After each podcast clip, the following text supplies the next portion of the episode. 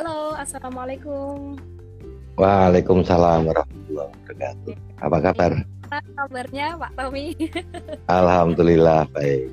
Sudah lama kayak tidak berbincang-bincang secara langsung dengan beliau wah sangat Iya. Iya.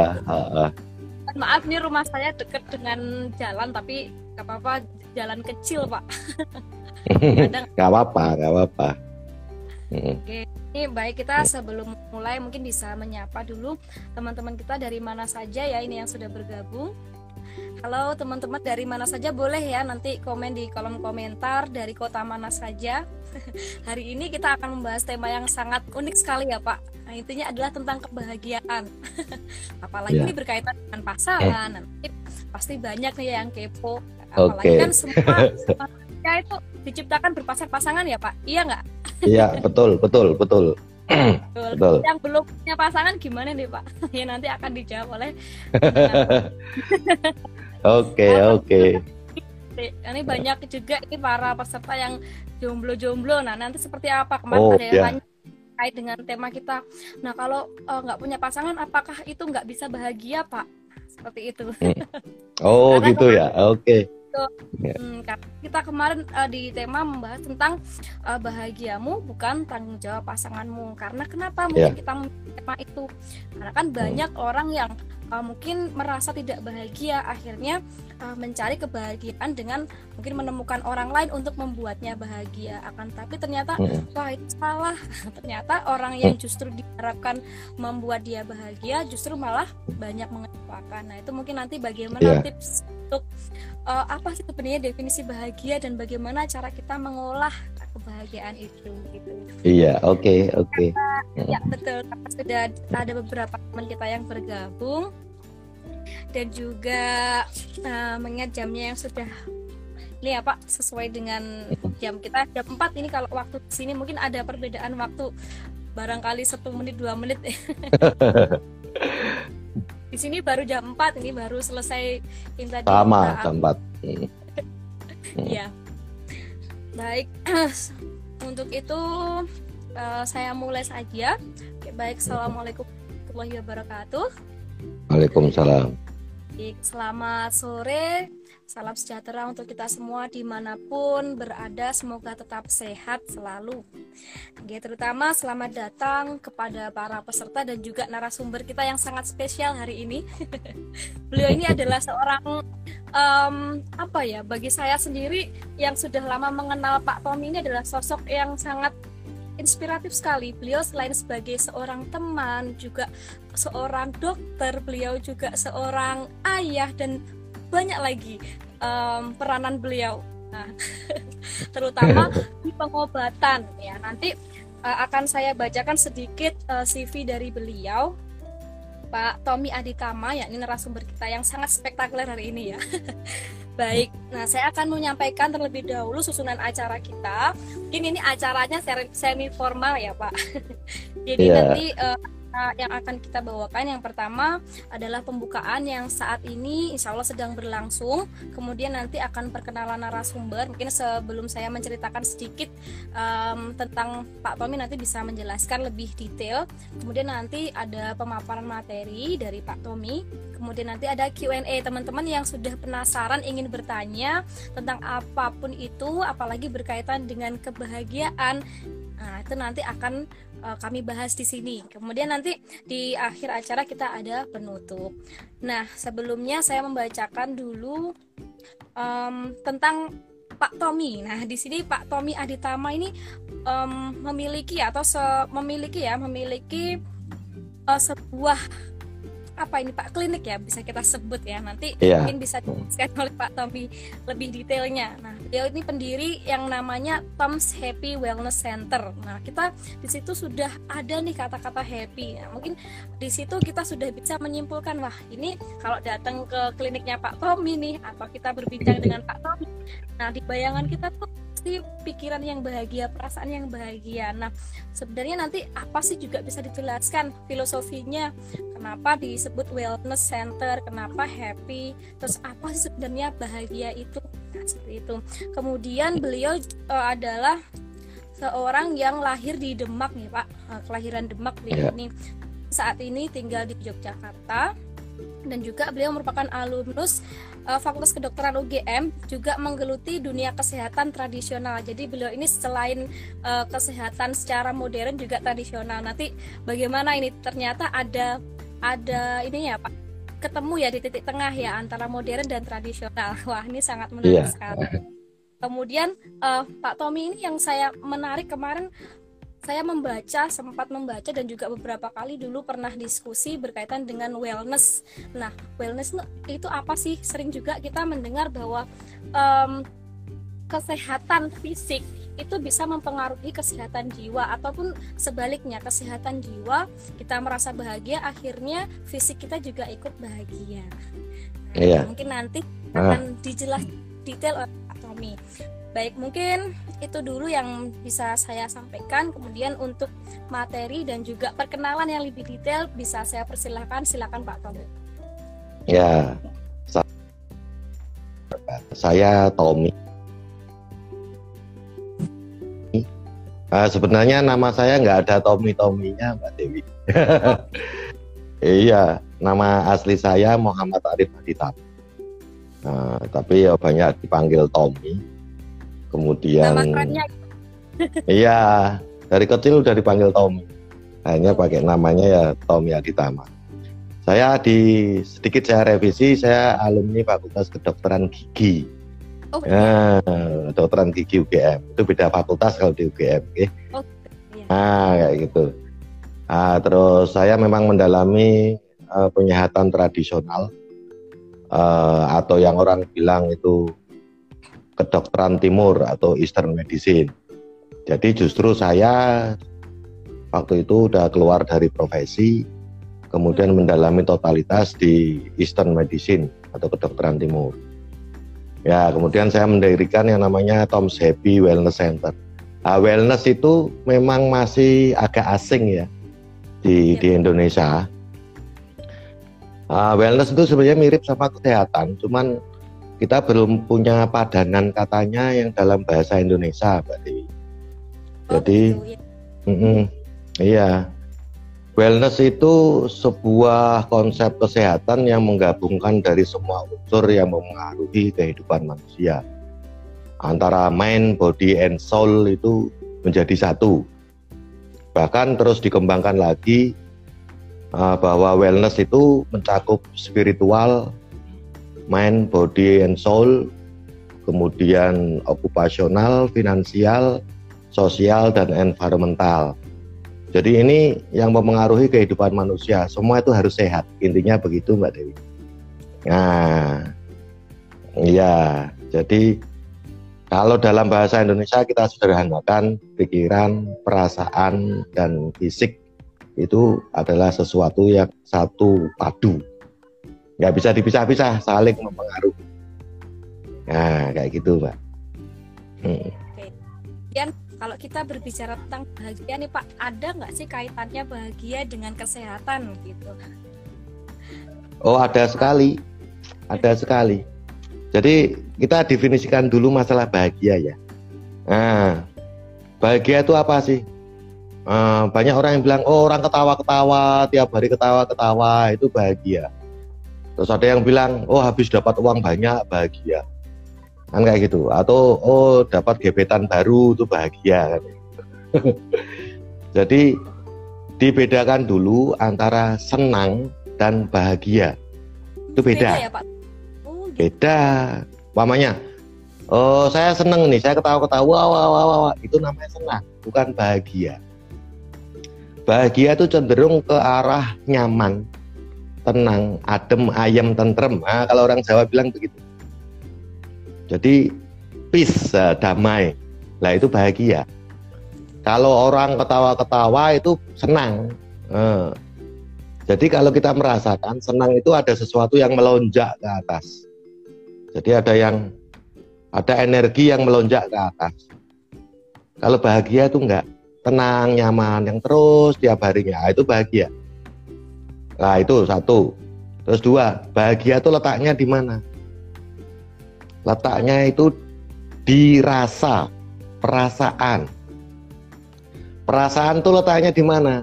Di dada. Atau spesifiknya di jantung. Nah, memang secara medis barat, memang ada dua madhab besar ya, antara barat dan timur ya. Betul. Kalau barat, ya kalau barat itu namanya perasaan ya hasil olah otak semua kan begitu. Ke... Kalau di timur, iya. Kalau di timur enggak, karena secara empiris Anda merasakan jatuh di cinta itu rasanya di mana coba? Uh, di sini. Rasa. Iya, di dada sakit. Ya, sakit hati itu rasanya di mana? Juga di sini. Sama di sini, kan bukan di sini. Nah, itu harus kita tahu dulu. Ini namanya pikiran, tempat untuk mengolah pikiran. Ini namanya perasaan. Tempatnya di dada. Lah, itu yang disebut ada segumpal daging itulah yang ini baik ya baik semuanya.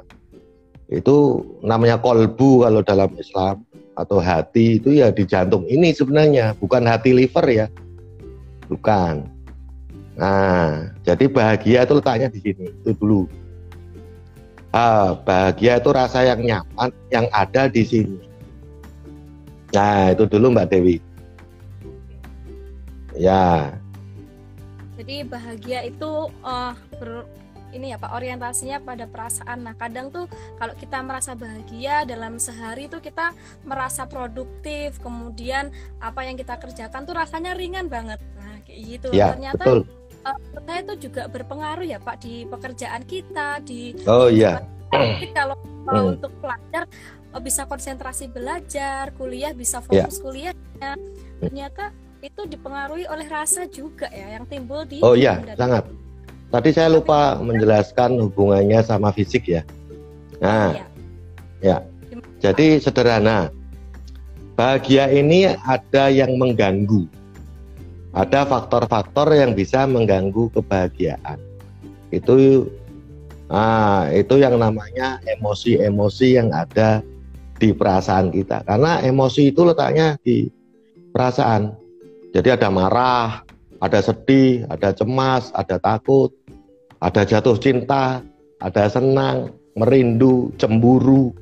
Itu letaknya di sini. Ini yang bisa mengganggu dari kesemestaan kebahagiaan. Lah ini juga berhubungan dengan fisik.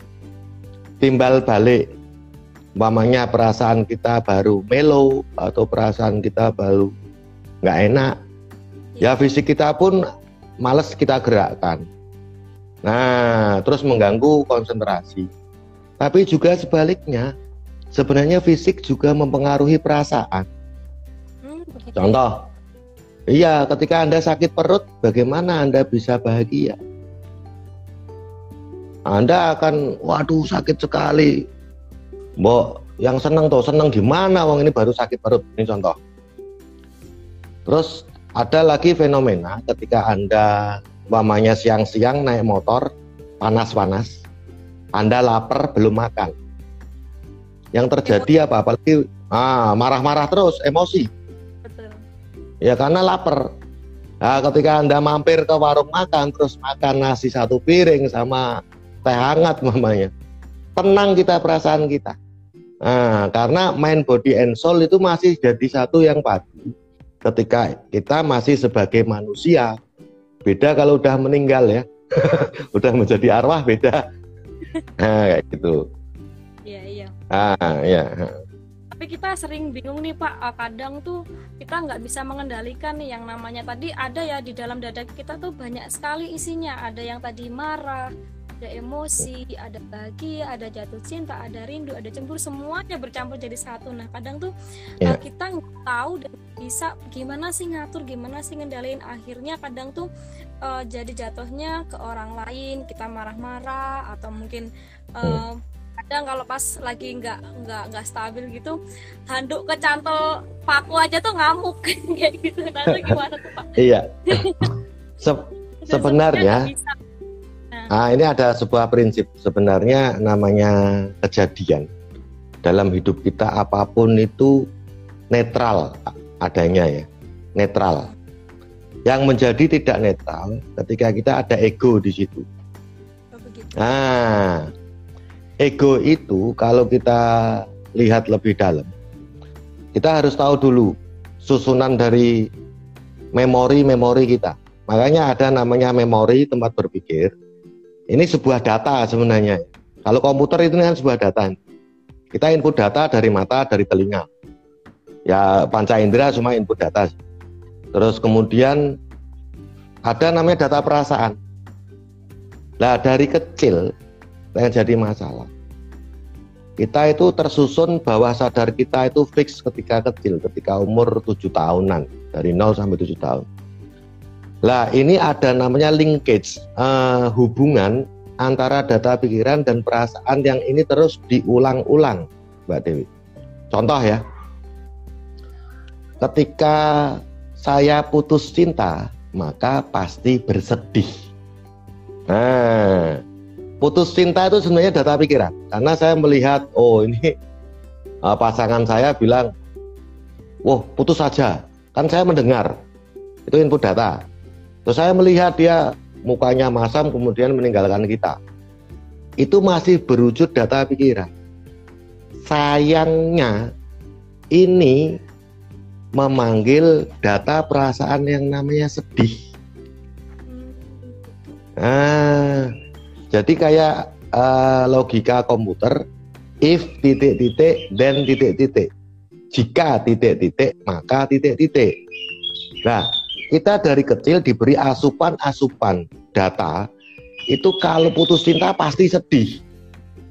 Kita fiksasi hubungan antara data pikiran dan data perasaan. Jika if putus cinta maka terpanggillah namanya perasaan sedih. Seolah-olah ini sesuatu yang bagus. Padahal ini bisa dirubah, Mbak Dewi. Nah, bisa. Semua itu by data. Contoh ya, jika putus cinta, maka aku oke-oke aja perasaan. Yang jadi masalah kita dari kecil input datanya kayak gitu melulu. Iya dong, karena apa? manusia itu dengan cipta rasa karsanya sebenarnya manusia itu punya rasa yang ini sebenarnya bisa diolah. Kalau di Jawa namanya olah rasa. Kalau secara intelektual ya disebut ini olah emosi kan kayak gitu. Yep. bisa ini diolah. Makanya jangan sekali-sekali memahami. Sesuatu yang seolah-olah negatif itu juga pasti perasaan kita negatif. Makanya untuk kita positive thinking itu belum cukup. Tapi justru yang penting itu positive feeling. Positive feeling. Iya, perasaan yang positif. Jadi kalau perasaannya positif, pikirannya juga pasti positif. Tapi kalau pikirannya positif belum tentu perasaannya positif. Begitu, Mbak. Hmm. Kita dengar positive thinking ya Pak, bahkan uh, banyak sekali ya. Motivator yang mengharuskan kita untuk selalu positive thinking. Positive thinking iya. akan menyembuhkan, nah, kayak gitu. Padahal iya. ternyata itu harus diubahnya bukan karena waktu, bukan karena thinkingnya, tapi ternyata feeling ya Pak. Wah, ini feelingnya, rasa, ah kayak gitu. Bisa main. Berarti yang selama ini kita data-data um, mungkin yang saya sendiri dan juga mungkin ada beberapa temen yang mungkin salah ketika menghadapi suatu masalah kita harus positive thinking thinking thinking terus tidak ada yeah. yang kan positive feeling nah ternyata ada mm. istilah feeling dan bagaimana tuh pak wujudnya positive nah. feeling feeling itu begini kan kita harus tahu dulu bahagia itu rasanya apa kita itu selama ini tidak jarang sekali diajari dari kecil uh, namanya bahagia. Zaman dulu saya, saya nggak tahu ya sekarang sekarang. Kalau zaman dulu sekala, kamu itu kalau udah gede jadilah anak yang cerdas, anak yang pinter, anak yang kaya, anak yang sukses. Semua itu pasti materi. Pintar pun itu hanya area akal. Kan kayak gitu. Jadi jarang sekali kamu besok jadi orang yang ayam tentrem yang bahagia ya. Nah, kayak gitu loh. Gak iya. nggak pernah dengar itu ya bukan ya gimana itu mereka orang-orang tua kita para sesepuh kita mungkin saat itu itu belum belum begitu memahami keilmuan kayak gitu. padahal bahagia itu sumber dari semua kesuksesan manusia nah bahagia dulu lah kita harus mengenal dulu bahagia ini apa. Oh rasa damai ayam tentrem itu apa? Kita definisikan dulu. Kayak ini oh kita bisa seneng. Oh ini yang namanya bahagia. Kita lock. Oh ini namanya rasa bahagia. Nah terus ketika kita baru beremosi kita harus definisikan dulu emosi-emosi apa yang kita rasakan. Umpamanya marah. Marah itu ada sesuatu yang dari sini ini dan ini cenderungnya naik. Itu yang kita sebut energi ya energi emosi. Itu bisa kerasa. Harus kita definisikan dulu. Oh ini namanya marah. Kan beda ketika kita sedih ya kan? Rasanya beda loh. Mhm. ah. Ya Pak. Ada dorongan untuk Iya. seperti itu. Ada juga yang pernah Iya. saya lihat diekspresikan dengan me- ini barang memecahkan suatu barang atau merobek menyayat dan lain sebagainya. Nah, Gitu ya. pertanyaannya kenapa kita kita kaji satu kasus ya.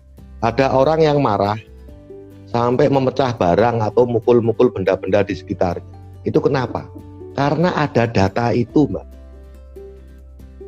Data itu masuknya lewat mana? Satu mungkin bisa lewat TV lewat media apa yang kita indra itu kan data mungkin justru ketika masa kecilnya dia melihat maaf maaf orang tuanya kalau bertengkar kayak gitu Nah itu akan masuk ke bawah sadar kita. Nah, namanya anak-anak dari nol hari kita lahir sampai umur tujuh tahun itu semua apa yang kita indra itu akan masuk ke program utama atau bawah sadar ya.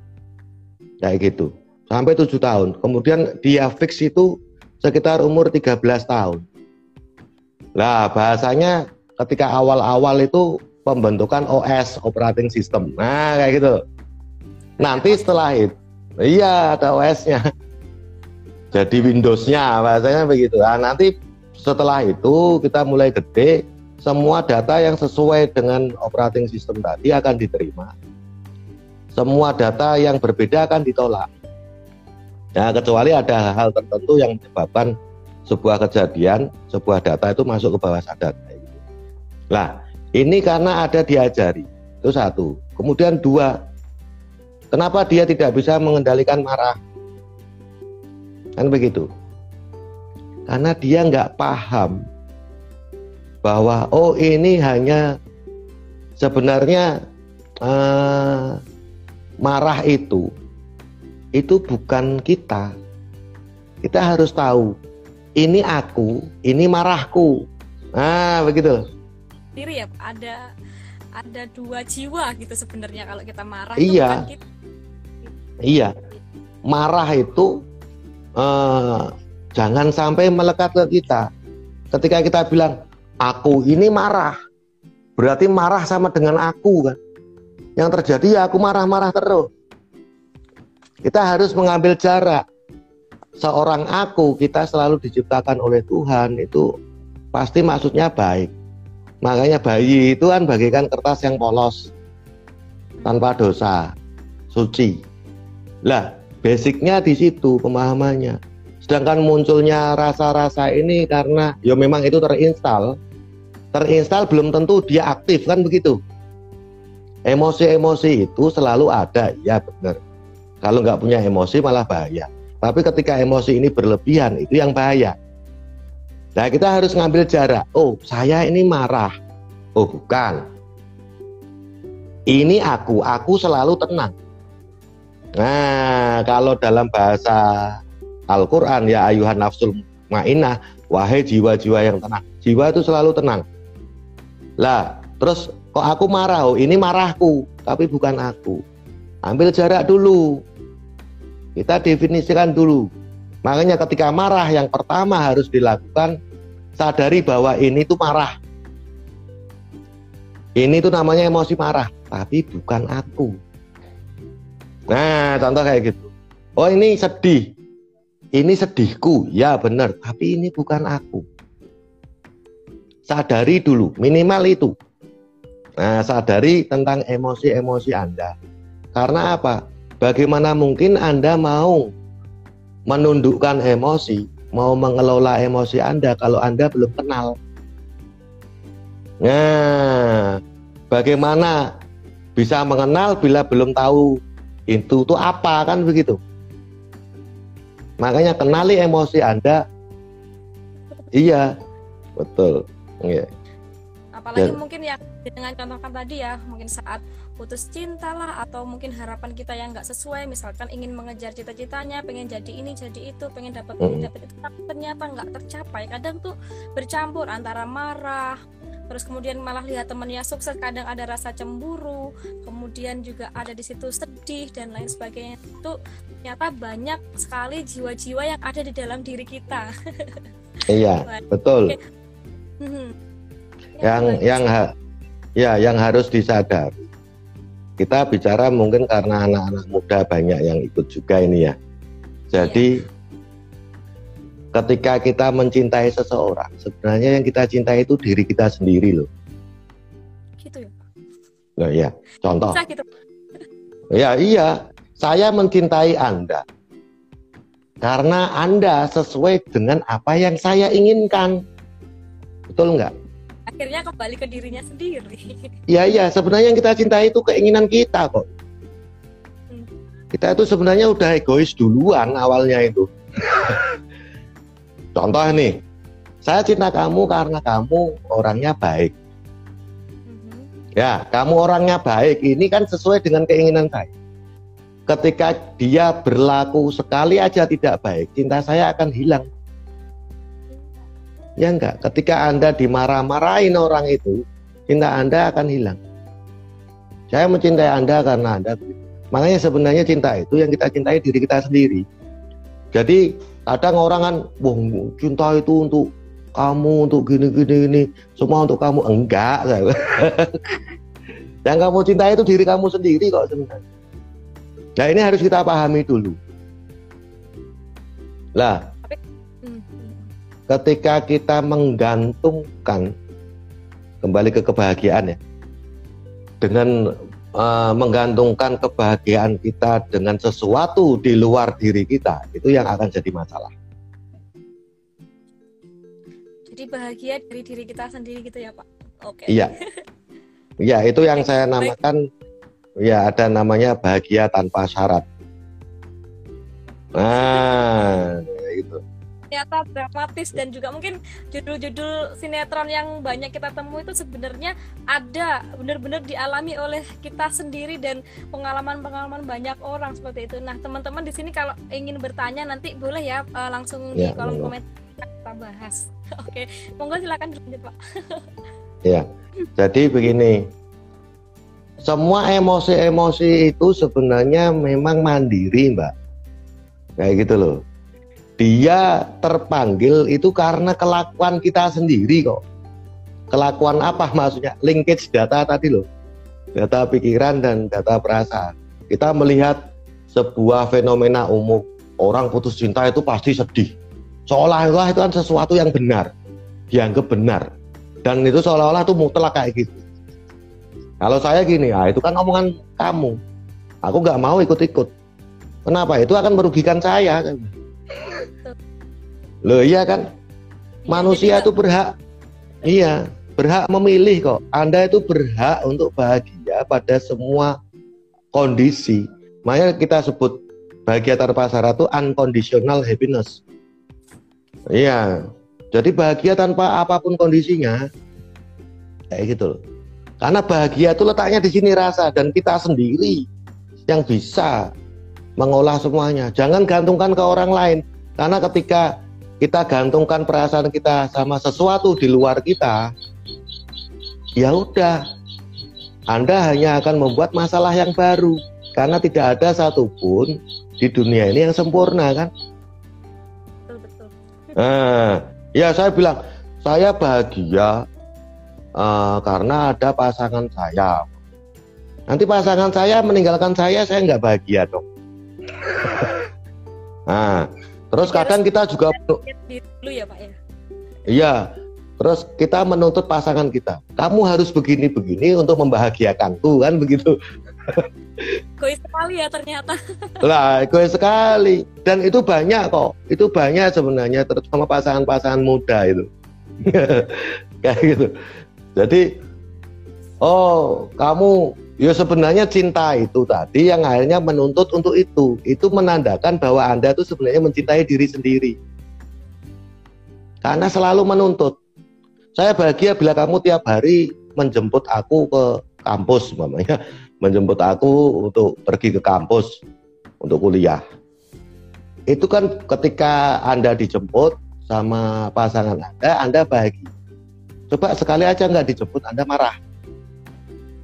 Dan berarti tuntutan Anda, egois sekali cinta Anda. nah, kayak gitu Anda merasa apa yang dilakukan pasangan Anda itu yang bisa membahagiakan Anda. Itu kesalahan yang besar. Karena sesuatu di dunia ini nggak ada yang abadi. Apa yang kita cinta, iya, apa yang kita cintai itu pasti akan menguji malah. Hmm. Loh ya. Benar ya, forever gitu. Aku akan uh, ini mencintai kamu selamanya. Nah itu hanya bullshit itu ya pak ya? ya iya, bullshit itu. Makanya orang itu disuruh mengenal diri sendiri. Kan begitu. Bahasanya orang yang mengenal diri sendiri itu menjadi jalan untuk mengenal Tuhannya kan kayak gitu. Salah satu iya. ya, lo iya. Salah satunya makanya kita harus mengenal emosi-emosi kita itu kan bagian dari mengenal diri nah kayak gitu oh ini emosi saya itu sebenarnya tidak kok kalau aku selalu diciptakan baik nah marah itu boleh mbak yang nggak boleh itu kan marah-marah. Nah, contoh. Orang berpikir itu boleh, tapi kalau kepikiran itu akan beda. Nah, bedanya apa? Orang berpikir itu hanya pakai ini. Tapi kalau udah kepikiran, dia berpikir kemudian melibatkan emosi yang negatif. Contoh, oh besok saya mau ujian, wah bingung-bingung karena apa? Ada kecemasan ada kecemasan yang menempel di area pikiran yang melekat akhirnya jadilah dia kepikiran melibatkan perasaan negatif itu kesalahannya nah itu ternyata uh, banyak sekali ya ilmu baru yang mungkin teman-teman dan juga saya sendiri nih baru tahu. Ternyata tuh uh, di dalam diri kita tuh banyak sekali komponen-komponen yang sebenarnya perlu ya. kita atur perlu kita tata yang selama ini kita nggak tahu. Ya cukup jalani aja gitu. Misalkan marah ya udah marah. Sedih ya sedih. Kadang ada yang sampai kayak berlarut-larut akhirnya dipendem uh, lama-lama dipendem yeah. Akhirnya nanti lama-lama bisa juga loh itu meledak kemudian malah jadinya yeah marah-marah dan lain sebagainya yeah. ternyata uh, karena mungkin kita menggantungkan bahagia itu pak karena biasanya denger ya oh aku tuh bahagia kalau mungkin bisa kayak Nagita Slavina nih punya villa bisa beli jet pribadi atau ya. menjadi yang kaya bahagia digantungkan pada hal-hal yang mungkin um, apa ya di luar kita termasuk juga dengan pasangan ya ketika tadi kita berbicara soal pasangan ternyata tidak hanya pasangan juga terhadap barang-barang ataupun mungkin uh, materi nah seperti itu iya betul Betul.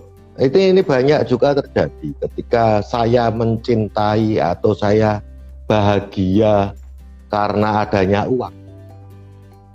Terus uang itu hilang, ya hancur bahagia saya. Lah itu kan merugikan. Kita juga harus mengambil jarak dengan duniawi. Nah, kayak gitu loh. Mengambil jarak. Sebenarnya gini loh. Uh, dalam agama-agama kita ya apa pun agamanya kita selalu diajari bahwa kita itu harusnya hidup itu berjalan itu kan menuju Tuhan nah kayak gitu loh lah menuju Tuhan salah satu syaratnya kan mati mbak yeah. ya nah lah iya ketika mati meninggalkan fisik udah uang uang atau suami istri atau pacar ditinggal semua itu jadinya kan arwah iya lah iya kita harus sadari itu itu dari awal. Saya saya paham. Zaman sekarang peradaban saya sebagai generasi yang di tengah-tengah ya. generasi yang di tengah-tengah itu cukup bingung juga melihat peradaban betapa anak-anak muda itu perkembangannya itu luar biasa. Secara materi itu orang umur belasan tahun aja bisa menjadi kaya dengan jualan online. Itu kan contoh kayak gitu. Ya. Iya. Bagaimana sekarang fenomena pacaran di mana-mana orang gandengan tuh udah umum sekali. Kayak gitu. Bahkan tidak dianggap tabu. Lah, perjalanan ini kan nilai-nilai materi. Perjalanan materinya itu sangat cepat Nah ini harus diimbangi perjalanan spiritual yang juga cepat nggak? Kalau enggak hancur ini, anak-anak muda ini hancur. Lah salah satu nilai-nilai spiritual itu masalah pengelolaan emosi. Jangan hanya dianggap spiritual tuh hanya ibadah syariat kayak gitu ya. Tapi bagaimana Anda juga bisa mengelola emosi Anda. Nah, kayak gitu. Ya. Rajin tapi uh, marahnya juga rajin tuh gimana tuh Pak? lah itu itu kenapa? Sebenarnya pola kita dari kecil nggak pernah adanya pendidikan moral yang beneran di area perasaan. Hmm, gitu. Iya, makanya saya saya pernah dulu bikin status di Facebook. Kenapa ya kita dari kecil nggak pernah diajari untuk bahagia? Kenapa kita dari kecil tidak pernah diajari untuk mengelola emosi. Ya kan? Yang diajari kan physically semua itu. Ya, Anda sekolah dari TK, SD selalu masalah ini semua, fisik semua. Hanya taruhlah jangan berbuat buruk. Iya. Anda jangan nakal lah, hanya kayak gitu aja. Mhm. Oh, marah itu tidak baik. Paling kayak gitu. Tapi ya, marah itu yang kayak apa? Nah, itu itu makhluk apa sih marah itu gitu. Padahal sering merasakan tapi kita nggak tahu ini bagaimana. Ya itu yang jadi akhirnya ketika udah gede susah dalam mengendalikan. Dikenali dulu, terus dipelajari karakternya. Kenapa saya marah? Di mana saya marah? Bagaimana ketika saya marah?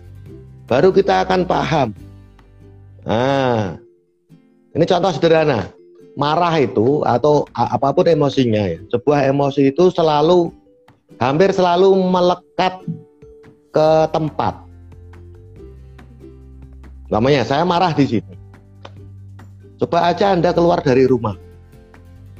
Kan akan berkurang. Makanya ada istilah daripada kamu stres yuk jalan-jalan. Nah, kayak gitu itu itu awal-awal yang bisa kita lakukan. Minimal tuh kan kayak gitu. Memindahkan tempat sebenarnya. Sebenarnya begini loh. Kenapa ketika kita jalan-jalan kita cenderung bisa mudah mengendalikan? Ketimbang kita hanya diam kan begitu. Karena ada data yang berbeda. Ketika saya di sini saya hanya melihat apa yang saya lihat sekarang. Data di sini itu kan melekat ke marah yang saya yang terjadi pada saya sekarang. Lah ketika saya pergi data yang saya terima kan beda taruhlah kalau di Jogja oh, saya lihat Malioboro kan kayak gitu. Nah jadi ininya berkurang. Nah itu contoh. Penting juga ya Pak untuk menambah data lagi. Misalkan lagi sedih atau lagi marah mengalihkan gitu. Misalkan kita jalan-jalan refreshing itu ternyata juga penting nih rekreasi ini. Penting. Saya banyak pasien atau klien yang bahasa saya oh penyakitnya kurang piknik. Oh gitu. Ada Pak penyakit kurang piknik Oh ada. Jadi bayangkan Anda hanya selalu mengakses data di dalam rumah sekian tahun. Ah, iya. Dengan kegiatan kayak gitu kayak gitu aja, nggak ada data-data yang lain. Berarti area tempat ini sangat melekat ke memori kita. Dan ketika ada emosi-emosi yang terjadi di tempat ini pun akan semakin kuat karena kita hanya di sini aja. Nah kayak gitu loh. Mending-mending kalau dia senang-senang terus, kalau enggak, nah kayak gitu loh. Itu repot. Iya makanya. Oh, hmm. gitu. Ya, nah, monggo monggo. Kita kembali ke topiknya tadi ya Pak tentang bahagia. Hmm. Hmm. Bukan tang eh, apa namanya bukan tanggung jawab pasanganmu.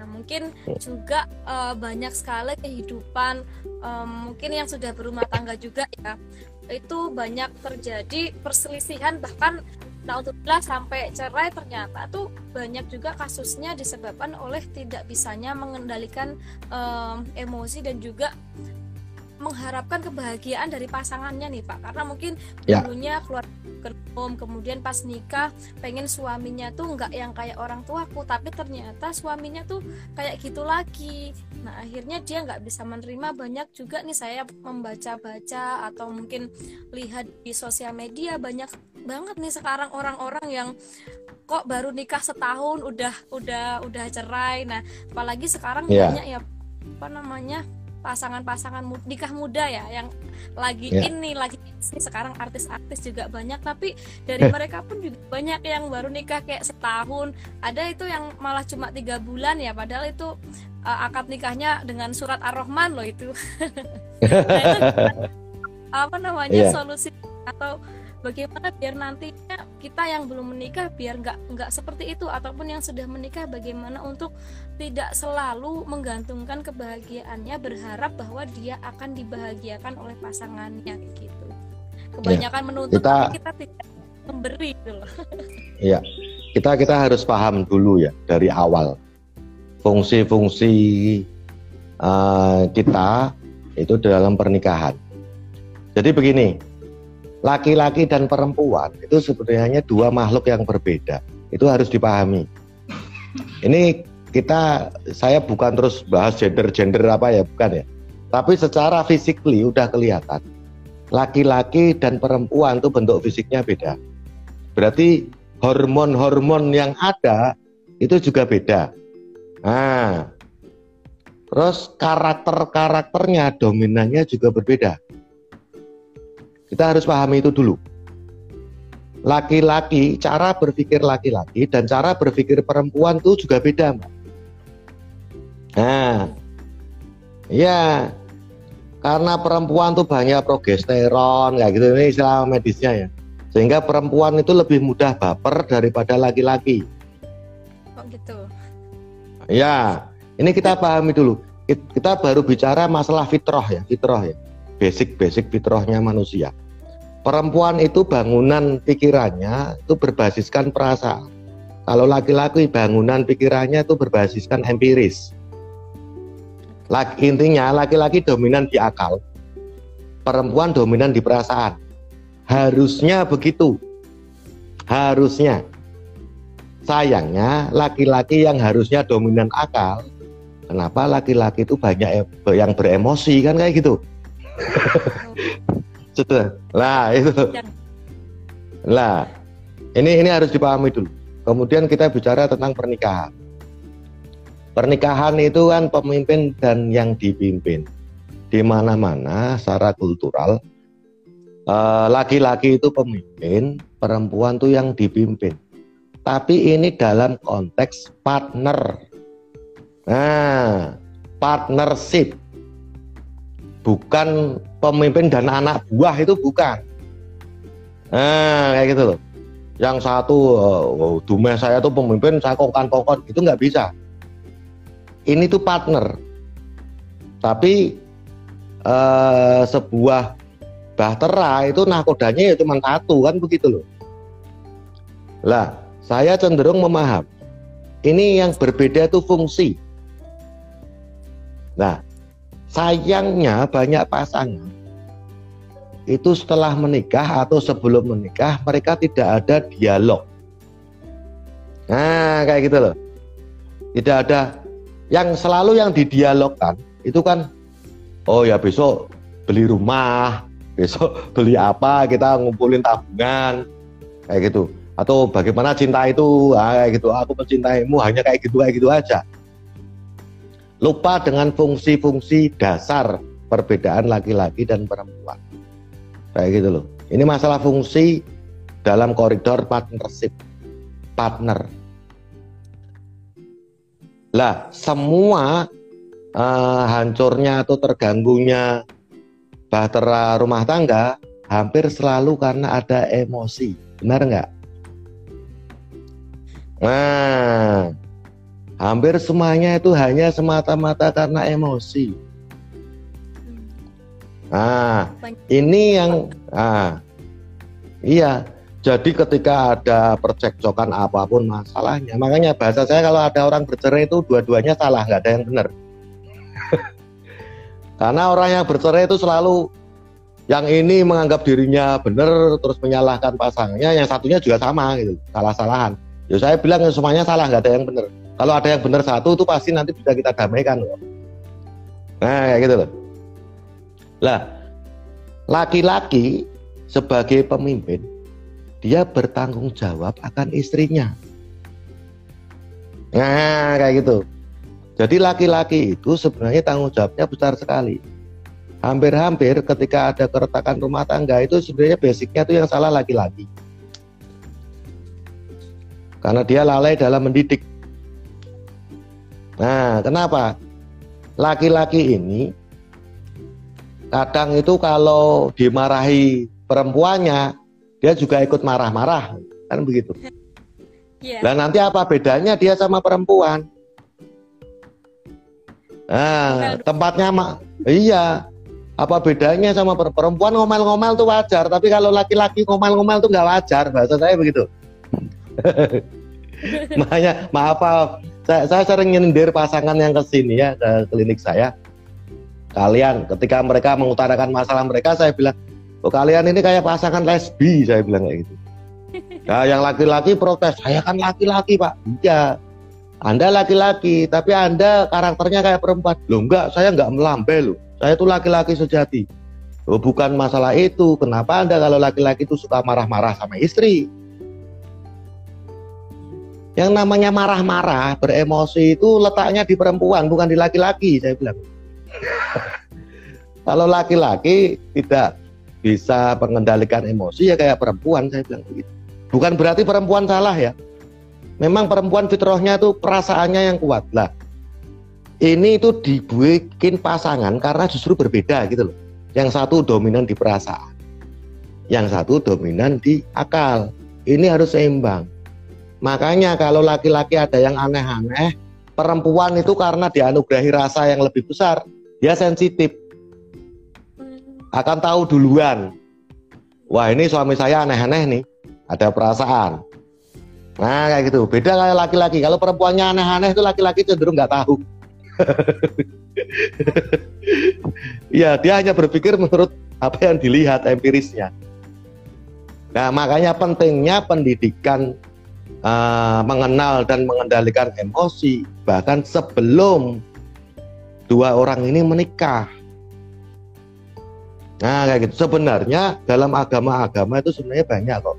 Contoh kalau di uh, di kultur-kultur dulu ya mau menikah tuh orang harus puasa dulu, harus banyak dikir dulu, mamanya ya bahasanya untuk memahami ini karena dia mau hidup baru kan kayak gitu. Tapi sering kali iya orang sekarang tuh lupa uh, bahwa emosi itu justru menjadi pondasi sebuah rumah tangga. Pengendalian uh, emosi itu menjadi pondasi dalam rumah tangga itu kita harus paham dulu. Sebelum bahas bagaimana cara untuk mendapatkan uang untuk ngomong anak, untuk mendapatkan rumah, itu nanti. Ini dulu harus settle lah kayak gitu loh. Itu contohnya begitu, nggih. Hmm, sebenarnya harus saling memahami ya Pak antara uh, perempuan laki-laki mengendalikan dirinya dan juga uh, dengan pengendalian yang sudah bisa difahami misalkan tadi ya si uh, laki-laki dominan di akal untuk kemudian perempuan dominan di perasaan jangan memahami yang saya tangkap tadi ya jangan memahami hmm. perempuan dengan akal nah tapi ya, dengan perasaan betul.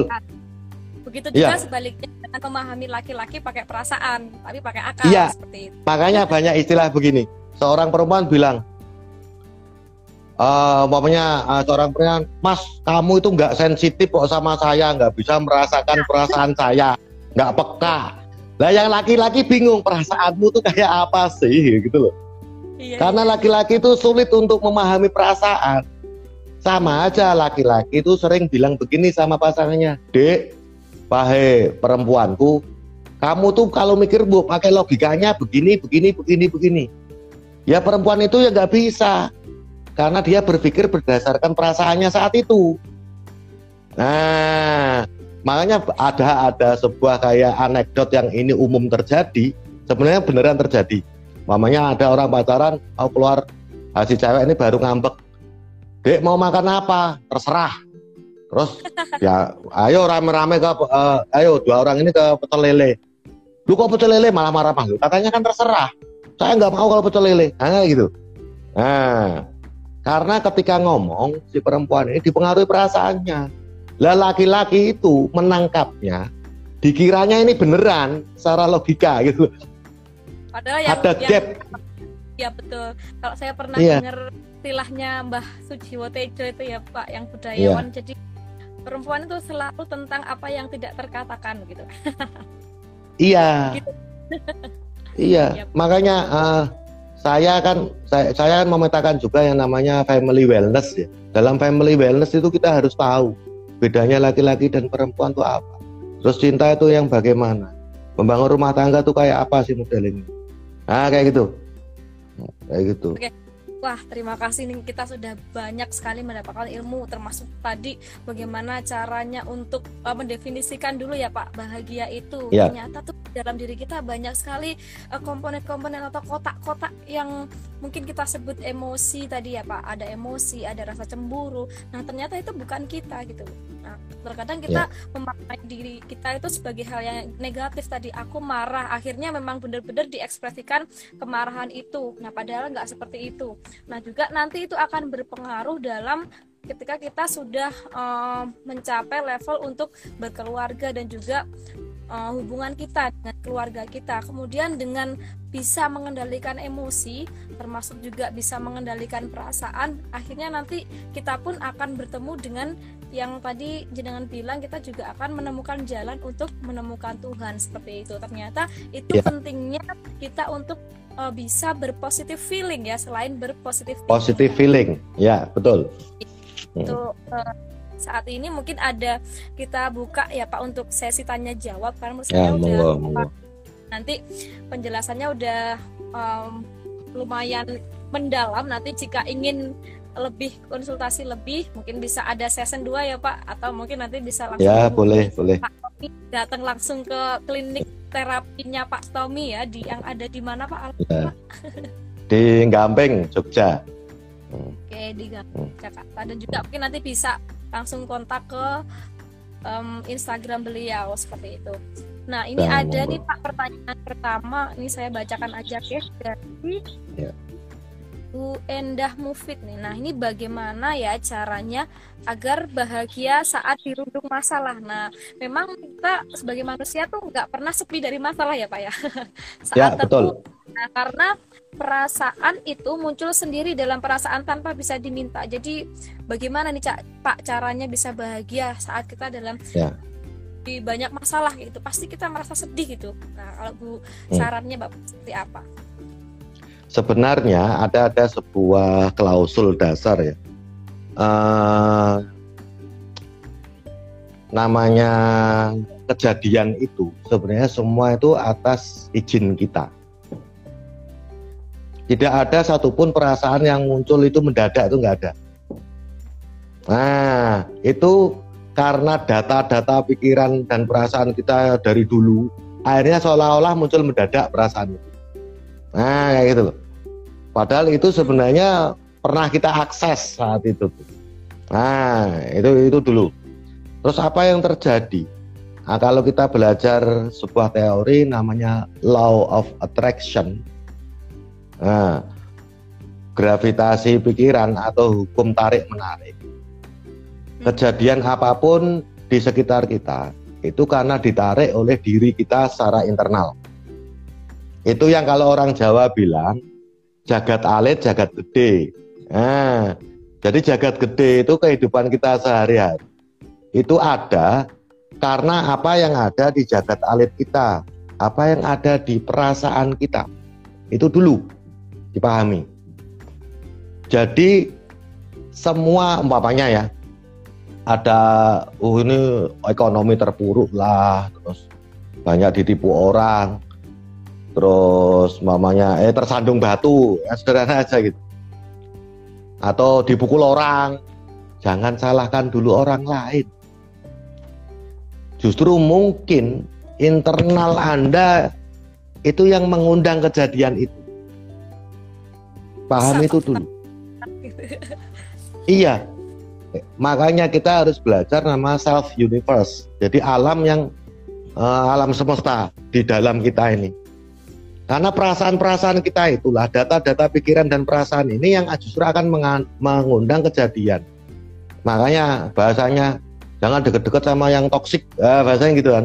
Zaman sekarang toksik-toksik gitulah. Kayak gitu, yang pikirannya negatif, perasaannya negatif. Karena bisa nular. Ya betul, memang bisa nular.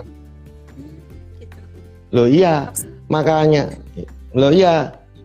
Jadi uh, bila ada masalah, Nah, kita langsung aja ke teknis ya.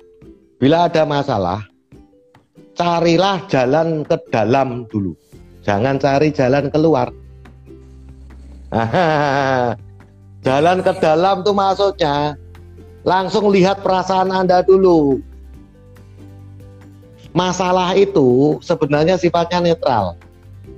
Hmm, okay. Makanya, makanya saya bilang, apa definisi masalah itu? Masalah adalah sebuah peristiwa kehidupan yang biasa saja, tapi perasaan kita salah dalam responnya. Nah, iya, itu yang namanya masalah. Nyatanya ada dua masalah yang sama pada dua orang, tapi responnya bisa beda-beda. Ini sama-sama kehilangan uang. Yang satu bisa tenang, yang satu bisa cemas. Padahal sama-sama kehilangan uang. Mhm. Berarti ini kan sangat custom, individual. Yang menentukan ya individunya sendiri-sendiri. Nah, jadi kalau ada masalah, satu, cek dulu perasaan Anda. Oh Anda cemas, Anda takut, Anda galau, Anda khawatir, Anda marah. Bebaskan dulu perasaan Anda. Jangan ribet untuk mikir jalan keluar. Karena Anda nggak akan bisa mencari jalan keluar bila internal Anda itu masih galau. Oh, iya, jadi kendalikan dulu emosinya. Caranya ada ada cara. Nah, sebentar ya. Ini ini ini ini dikendalikan dulu, baru ini tenang, baru kita mikir solusinya. Lah itu. Begitu. Jadi kebanyakan ya. kita ketika ada masalah des gitu ya kita langsung mencari aduh ini gimana ya caranya? Padahal ya. di sini tuh masih bingung kita perasaannya ya. masih nggak tahu ini marah atau kecewa nggak tahu. Tapi kita harus segera mencari jalan keluar biar uh, segera selesai masalahnya biar kita tenang. Nah ternyata malah nggak ketemu ketemu nih pak. Iya. Makanya secara iya. iya secara teknis yang bisa dilakukan ini secara real ya. Ambil nafas dalam dulu. Ketika ada masalah ambil nafas dalam keluarkan lepas. Itu untuk mengatur uh, energi negatif. Mengeluarkan energi negatif. Semua sistem dari psikologi baik secara intelektual akademisi ataupun uh, kultural itu pasti ada namanya mengambil nafas panjang. Okay. nah karena secara empiris sebenarnya kita sering namanya menghela nafas. Menghela nafas. Karena otomatis. Nah karena gitu Nah, gitu. itu kita nah, kita praktekkan dulu. Ambil nafas panjang, keluarkan diulang-ulang sampai hati kita tenang. Itu akan berkurang itu. Lah baru kita berpikir tentang masalahnya. Oke. Ah, kayak gitu. Oke baik terima kasih sekali semoga ini jawaban Pak Tommy bisa menjawab tadi ya pertanyaan dari saudari kita Ibu Endah Mufid. Nah mungkin jika teman-teman ada pertanyaan boleh silakan langsung di kolom komentar. Oke, sambil kita menunggu sini saya cek dulu nih ini dari mana saja yang sudah bergabung. Oke, ini sudah Oke, mungkin Pak Tommy ingin menyapa audiensnya dulu. Ini banyak Pak, ini dari seluruh Indonesia. Wah, ini ada dari Kang Imam Bustan. Assalamualaikum Kang Mas. Oke, baik. Um, tadi berkaitan dengan bahagia ya Pak ternyata um, bahagia yeah. itu sekali faktornya yang bisa mempengaruhi kita dalam dalam menjalani kehidupan sehari-hari. Nah ternyata tuh yeah, faktornya faktor eksternal dan juga faktor internal. Nah, itu pun Ya. kadang juga bisa mempengaruhi nih kondisi jiwa kita yang tidak stabil, kemudian jiwa kita yang merasa sedih, tidak bahagia, akhirnya nih kurang produktif nih Pak atau mungkin tadi kerja Ya. jadi malam, kuliah juga kan banyak juga nih anak-anak mahasiswa Hmm, saya pernah pernah dulu eh, temen saya tuh karena masalah cinta mungkin nggak tahu ditolak atau gimana akhirnya tuh sampai kuliahnya nggak selesai wah ternyata sampai Iya, segitu iya. kuliahnya nggak Iya. selesai bener Betul, betul. Banyak kasus kayak gitu. Mas. Mm. berarti kan hal-hal yang apa ya itu kan karena dia merasa tidak bahagia kalau tidak bersama orang itu akhirnya Ya. kondisi kehidupan dia sendiri itu yang seharusnya dia adalah orang yang berkualitas malah justru merusak dirinya sendiri dan juga masa depannya tuh pak nah itu gimana tuh pak kalau misal ada kasus kayak gitu dan itu Ya. real Eh, saya juga pernah melihat secara nyata itu teman saya sendiri dulu waktu itu saya melihat Saya juga banyak kasus-kasus. Kebetulan di klinik saya itu kan banyak anak mahasiswa yang main ke sini. Itu juga banyak kasus-kasus putus cinta ya sampai stres, sampai depresi kan kayak gitu. Jadi begini, memang uh, ilmu-ilmu dalam manajemen emosi itu harus segera uh, bahasanya dipelajari terutama untuk anak-anak muda. Sedini mungkin itu dulu. gitu Iya, iya. Lah, jadi nggak nggak telat gitu loh. Ketika udah kuliah, berpacaran atau SMA putus, hancur dia hidupnya kan begitu.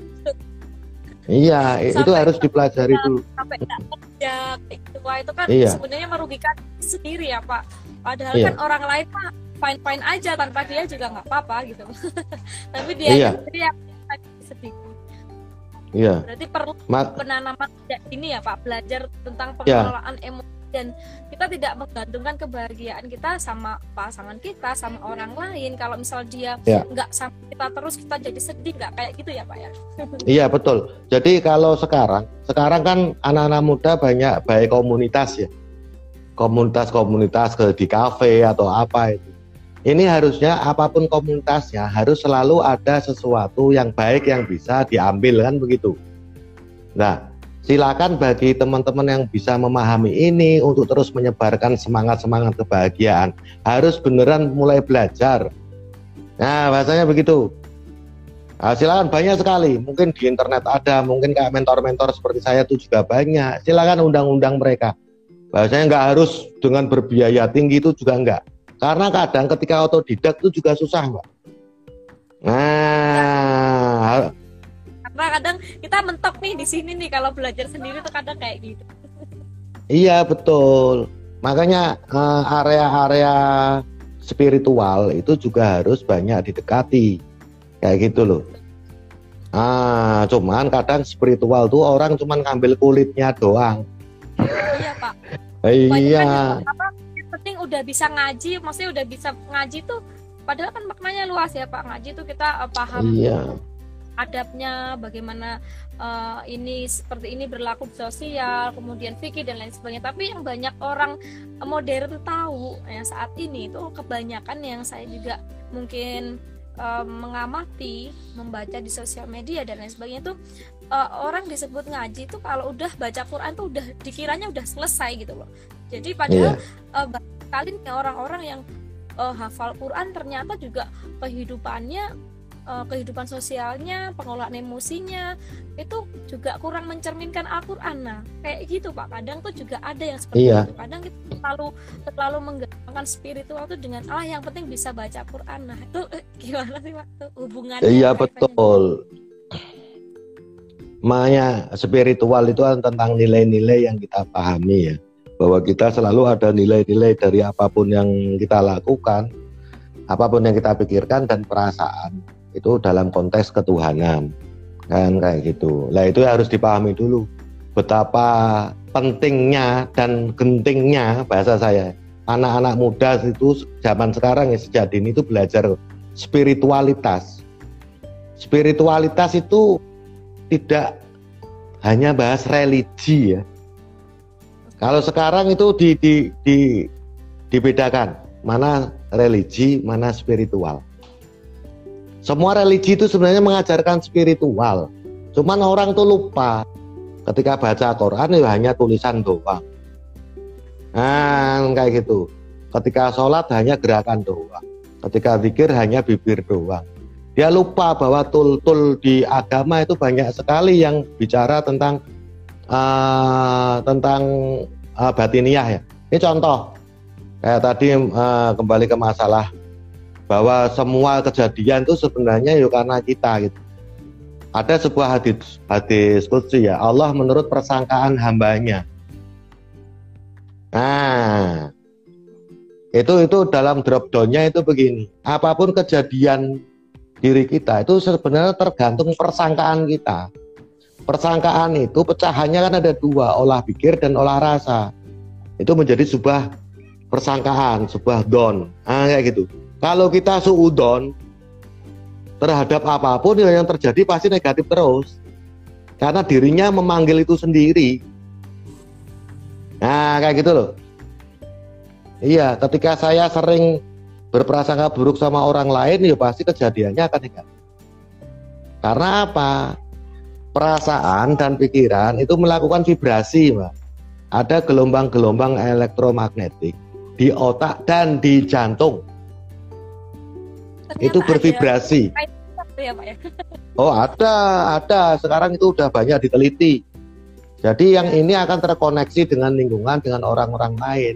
Makanya Anda berpikir apa, Anda berperasaan apa, itu sebenarnya data itu itu akan keluar dari diri Anda dan bisa jadi akan diterima oleh lingkungan Anda, oleh orang-orang lain yang akhirnya terjadi sebuah kejadian yang buruk terhadap kita. Itu karena diri kita sendiri sebenarnya. Makanya mulai sekarang jangan mudah menyalahkan orang lain atau lingkungan. Ternyata pikiran iya. kita buruk gitu ya Pak. Mungkin uh, banyak iya. juga nih kalau kita ingin um, misalkan daftar beasiswa nih atau masuk uh, ikut lomba dan lain sebagainya atau daftar masuk di perguruan tinggi nih kita udah berpikiran dulu ah kayaknya aku nggak bisa nih beneran beneran nanti nggak uh, tercapai ya ya udah ya nggak bisa beneran bahasa kalau orang dulu hati-hati nah ngomong le nah, oh diamini malaikat kan kayak gitu. Nah yang diamini ya. malaikat itu bukan hanya omongan kita gitu loh. Apa yang kita pikir apa yang kita rasakan. Makanya kalau kita beneran serius belajar akan tercipta pribadi-pribadi yang selalu khusnudon selalu berbaik sangka kepada siapa pun kepada diri sendiri juga kepada Allah kepada Tuhan kita. Selalu husnudon jadi nyaman lah. Karena apa? Ada sebuah kunci, Mbak. Eh, dari tadi belum saya bahas. Apakah kunci kebahagiaan itu? Nah, kunci kebahagiaan adalah syukur. Rasa bersyukur. Nah, rasa bersyukur itu rasa ya, bukan hanya di mulut. Alhamdulillah. itu hanya mulut namanya. Jadi perasaan bersyukur, ada rasa bersyukur setiap saatnya, pasti dia akan bahagia. Orang tidak bahagia atau bahkan orang beremosi yang macam-macam tadi itu karena dia orang bersyukur. Dia lupa bahwa banyak hal sekali daripada alih-alih saya memikirkan kenapa saya sedih. Bukankah saya itu banyak diberi anugerah? Nah, kayak gitu loh. Bersyukurlah lah, tapi munculkan rasa itu dan itu harus direpetisi, diulang-ulang. Nah, rasanya ya. Syukur, syukur, iya. Syukur, gitu. oh, iya, bukan. Perasaan bersyukur itu kunci dari kebahagiaan. Okay? Kadang tuh ada yang bilang ini, um, ya kalau aku jadi orang kayak uh, Rafathar atau Nagita Slavina, nah aku pasti bisa bersyukur nih. Berarti orang tuh uh, bisa baru bersyukur ketika dia mendapatkan apa yang dia mau. Nah itu gimana sih nah, kadang kan itu kebalik itu. Jadi Nagita Slavina mah aku bisa bersyukur nih? Soalnya ya, kalau sekarang kayak gitu. Kalau kita pendekatan agama ya la ing syakartum la lakum itu ya. Jadi orang yang bersyukur kenikmatannya itu akan ditambah. Jadi syukur dulu baru dia akan diberi kenikmatan. Lah orang sekarang tuh kebalik mencari kenikmatan dulu baru bersyukur. Ya, itu salahnya di situ. Nah, makanya di mana-mana kalau berdoa, Bismillahirrahmanirrahim. Alhamdulillahirabbil alamin baru hamda yuafin mau ah, bla bla bla. terus ditutup lagi dengan alhamdulillah rabbil alamin al-fatihah ada begitu jadi sebelum bahkan ini sebelum uh, bicara tentang hajatnya sebelum dia meminta dia bersyukur dulu alhamdulillah para sesepuh-sesepuh dulu atau ulama-ulama dulu tuh udah mengajarkan kamu tuh bersyukur dulu bahkan sebelum minta loh. Alhamdulillah alamin kan gitu dulu. Nah, makanya adalah sesuatu yang salah bila kita harus kaya dulu baru bersyukur. Syukur itu di awal, bukan di akhir. Akhir itu ya tentu ketika kita sudah mendapatkan tentu akan bersyukur. Tapi di awal itu wajib. Bahasa saya wajib bersyukur. Bahkan setiap saatnya Ah, bersyukur. Dan jangan hanya di mulut alhamdulillah, tapi hasilkan rasa. Alhamdulillah. Iya, feel feelnya. Iya, itu kunci. Ya. Juga orang-orang kaya ternyata hidupnya tidak bahagia, malah justru menggunakan narkoba dan lain sebagainya, ya Pak. Ternyata mungkin ya. karena mereka nggak punya kuncinya kebahagiaan. Iya, iya betul, betul, betul sekali kayak gitu. Perasaan itu dia hanya mengejar harta, harta, harta. Ya memang uh, bahasanya manjada wajada kan begitu. Kalau orang bekerja bersungguh-sungguh, mau kamu itu uh, perilakumu kayak apa, kalau berlaku sungguh-sungguh ya dia akan berhasil. Tapi dia lupa ada namanya perasaan. Akhirnya dia kompensasinya ke narkoba. Dia nggak mencapai sebuah ketenangan karena dia tidak berspiritual. Bahasanya begitu. Oh begitu. Nah, berreligi sama berspiritual beda ya beragama sama berspiritual beda ya. spiritual itu memang laku di sini ya laku di dalam sebenarnya spiritual itu ya lah akhirnya dia tidak mendapatkan kebahagiaan dia mengira sekali dia minum narkoba wah kok enak? Seneng, saya tenang. kok jadi seneng tenang. Lagi dua kali tiga kali udah hancur dia. Akan ketagihan. Nah contoh kayak gitu. Oke baik, wah sangat luar biasa sekali pertemuan kita hari ini. Sangat uh, inspiratif dan tentunya banyak sekali ilmu baru yang bisa kita uh, dapatkan dari Pak Tommy untuk mencapai kebahagiaan itu sendiri ternyata kuncinya hanya satu ya nggak banyak loh ya tapi ya. Uh, ini perlu pembelajaran yang setiap hari ya Pak untuk bersyukur itu mungkin bahkan ya. ketika kita diberikan nafas lagi ketika bangun kita harus bersyukur kita masih diberikan kedua tangan yang ya. bisa lihat begitu ya betul, sederhananya betul Betul. Oh, sangat luar biasa itu manusia itu. Soalnya udah diberi apa pun, makanya kalau kita ngitung nikmat tuh nggak bisa. Yang diberi Tuhan itu banyak sekali. Ah. Iya. Oke. Mungkin cukup uh, untuk untuk materi kita hari ini karena mengingat waktunya hmm. juga sudah cukup yeah. dan pertanyaan-pertanyaan yang dari teman-teman dan juga mungkin ada titipan pertanyaan yang tadi dititipkan ke saya sudah bisa terjawab. Mungkin nanti kalau masih ada pertanyaan mungkin bisa langsung DM Pak Tommy atau mungkin bisa langsung menuju ke kliniknya Pak Tommy yang ada di Gamping Monggo. Jakarta. Monggo. Eh. hari ini kita semua sedang berikhtiar untuk menjadi pribadi yang bahagia bukan hanya senang dan tidak menggantungkan kebahagiaan terhadap orang lain. Mungkin sebelum kita tutup Pak Tommy ada statement closing statement dari jenengan iya. untuk Iya. Ah, jadilah pribadi yang bahagia. Tapi bukan hanya bahagia seperti yang dipahami oleh umum, tapi kejarlah yang namanya bahagia tanpa syarat. Nah, begitu saja. Kami semoga um, terus sehat, lancar dan juga amin, amin, amin. memberikan manfaat untuk orang-orang terutama nanti yang uh, membutuhkan saran nih dari Pak Tommy dan juga memberikan manfaat bagi orang-orang sekitar. Amin amin ya rabbal Amin amin amin. Uh, Sekian dari saya apabila tadi dalam membawakan acara saya banyak kata-kata yang mungkin menyinggung atau perbuatan yang kurang berkenan, saya mohon maaf. Kami akhiri. Assalamualaikum warahmatullahi wabarakatuh. Ketemu lagi waktunya. Ye, sami-sami. Matur nuwun.